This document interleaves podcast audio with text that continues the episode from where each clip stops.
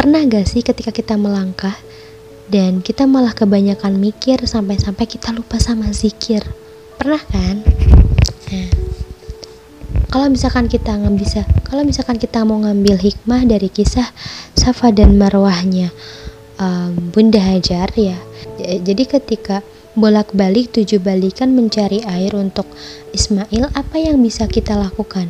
Atau apa yang kalian lakukan? Mungkin kalian akan ngerasa apa sih capek ya bolak-balik tujuh kali gitu kan? Yang kita butuhkan kan adalah air gitu Iya gak sih waktu pas cerita Bunda Hajar itu kan yang dicari itu adalah air untuk Ismail kan karena kehausan.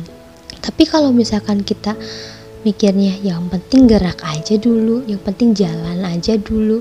Karena Bunda Hajar ketika berlari dari Sapa dan Marwah itu karena iman, bukan karena yang lain.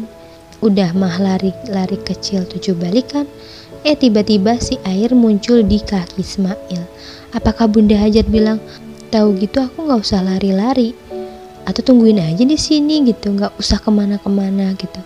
Gak ada yang disesali usaha yang seolah gak ada hasilnya atau gak berhasil karena mungkin ia tahu manusia itu sunatullahnya ya gerak aja dulu. Ya sunatullahnya kita ya ikhtiarin aja dulu gitu kan.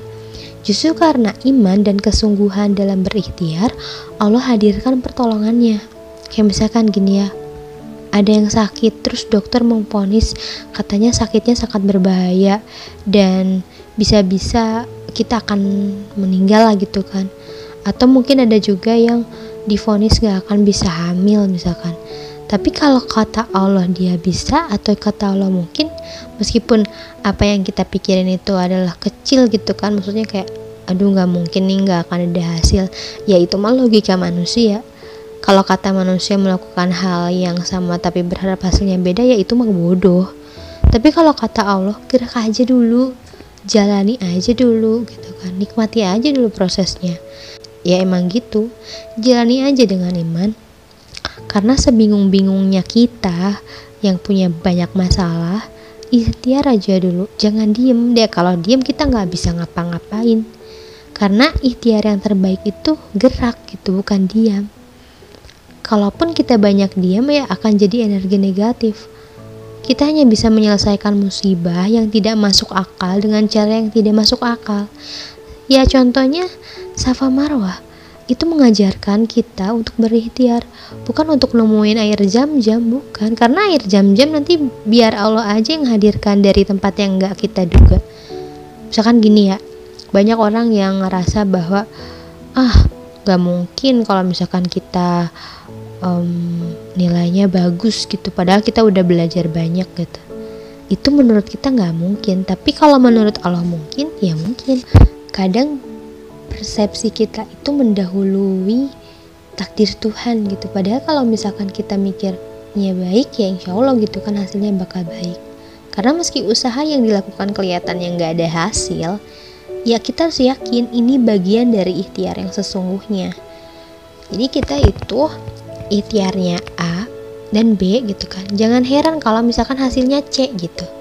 Karena sebetulnya yang nentuin hasil itu kan bukan kita hasil itu ada bukan karena ikhtiarnya tapi karena Allah yang kasih. Tapi bukan berarti hanya nunggu dikasih tanpa ngapa-ngapain ya.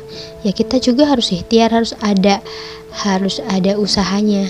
Kalau misalkan kita punya masalah gitu kan misalkan kita banyak hutang gitu ya udah gitu kita uh, misalkan nih udah yang punya punya pasangan terus kita diponis gak akan bisa punya anak atau misalkan uh, kita udah bisnis lama gitu tapi teh gitu-gitu aja lah gitu ya dibilang nggak ada bakat atau nggak nggak ada ya dibilang nggak ada bakat nggak mungkin ya meskipun seberat apa pun masalahnya ya kita gerakan gerak aja dulu jalani aja dulu karena Allah bisa mengalahkan uh, persepsi apa pun. Kita punya masalah apa sih? Kita cuma perlu membereskan persepsi kita. Kalau Allah sudah berkehendak, gak ada yang bisa menghalangi. Pertanyaannya nih, sudah melakukan apa untuk menjemput sesuatu dari Allah itu?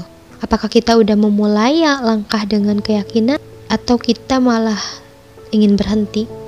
meskipun kita bergerak hal yang sangat kecil jalan keluarnya mungkin di tengah jalan atau bahkan bukan dari situ bisa jadi hasil yang didapat bukan karena ikhtiarnya tapi karena Allah lihat keseriusan kita jadi lakukan aja dulu action aja dulu. Yang sederhana aja dulu. Nanti Allah akan datangin kau sesuatu yang mungkin kita nggak akan duga. Tugas kita cuman nggak boleh berhenti terus berikhtiar dan jangan meremehkan keuntungan kecil atau jangan meremehkan hal-hal yang kecil. Mau nulis? Ya banyak baca lah. Nulis buku itu kan buat dibayar. Ya maksudnya nulis buku itu kita menguat apa sih buat memberikan manfaat atau cuma buat dibayar doang gitu. Kan gak mungkin. Cara yang dilakukan ya gak bagus atau gak masuk akal jalani dulu aja. Nanti Allah yang ngasih kok petunjuknya. Peka deh sama kode-kode yang Allah tunjukin. Kayak bisa jadi lewat obrolan-obrolan yang gak direncanain dari orang yang kita nggak duga. Misalkan tiba-tiba ada yang ngasih saran yang tak yang membangun gitu kan kalau misalkan kata Allah jalannya dari sana ya kenapa kita nggak bisa ya kenapa kita nggak nerima gitu? Ya ya semacam tadi kan air jam-jam muncul bukan dari Safa dan juga bukan dari Marwah tapi di kaki Ismail. Jadi ya jalanin dulu aja. Itu kan skenario Allah ya yang berjalan. Yakini apa yang orang tidak yakin. Sulit memang. Susah emang terpuruk. Iya tapi kita harus meyakini ini bagian dari ketetapan. Ya nggak apa-apa geraknya pelan. Ya jalannya masih bolak belok gitu kan yakin aja. Pasti sampai kok tugas kita hanya melangkah. Ya jangan nanya kapan nyampe nya tugas kita mah ya jalani aja dulu. Nanti juga bisa sampai ke titik yang ingin kita tuju. Karena di situlah letak keseriusan kita untuk usaha dan berikhtiar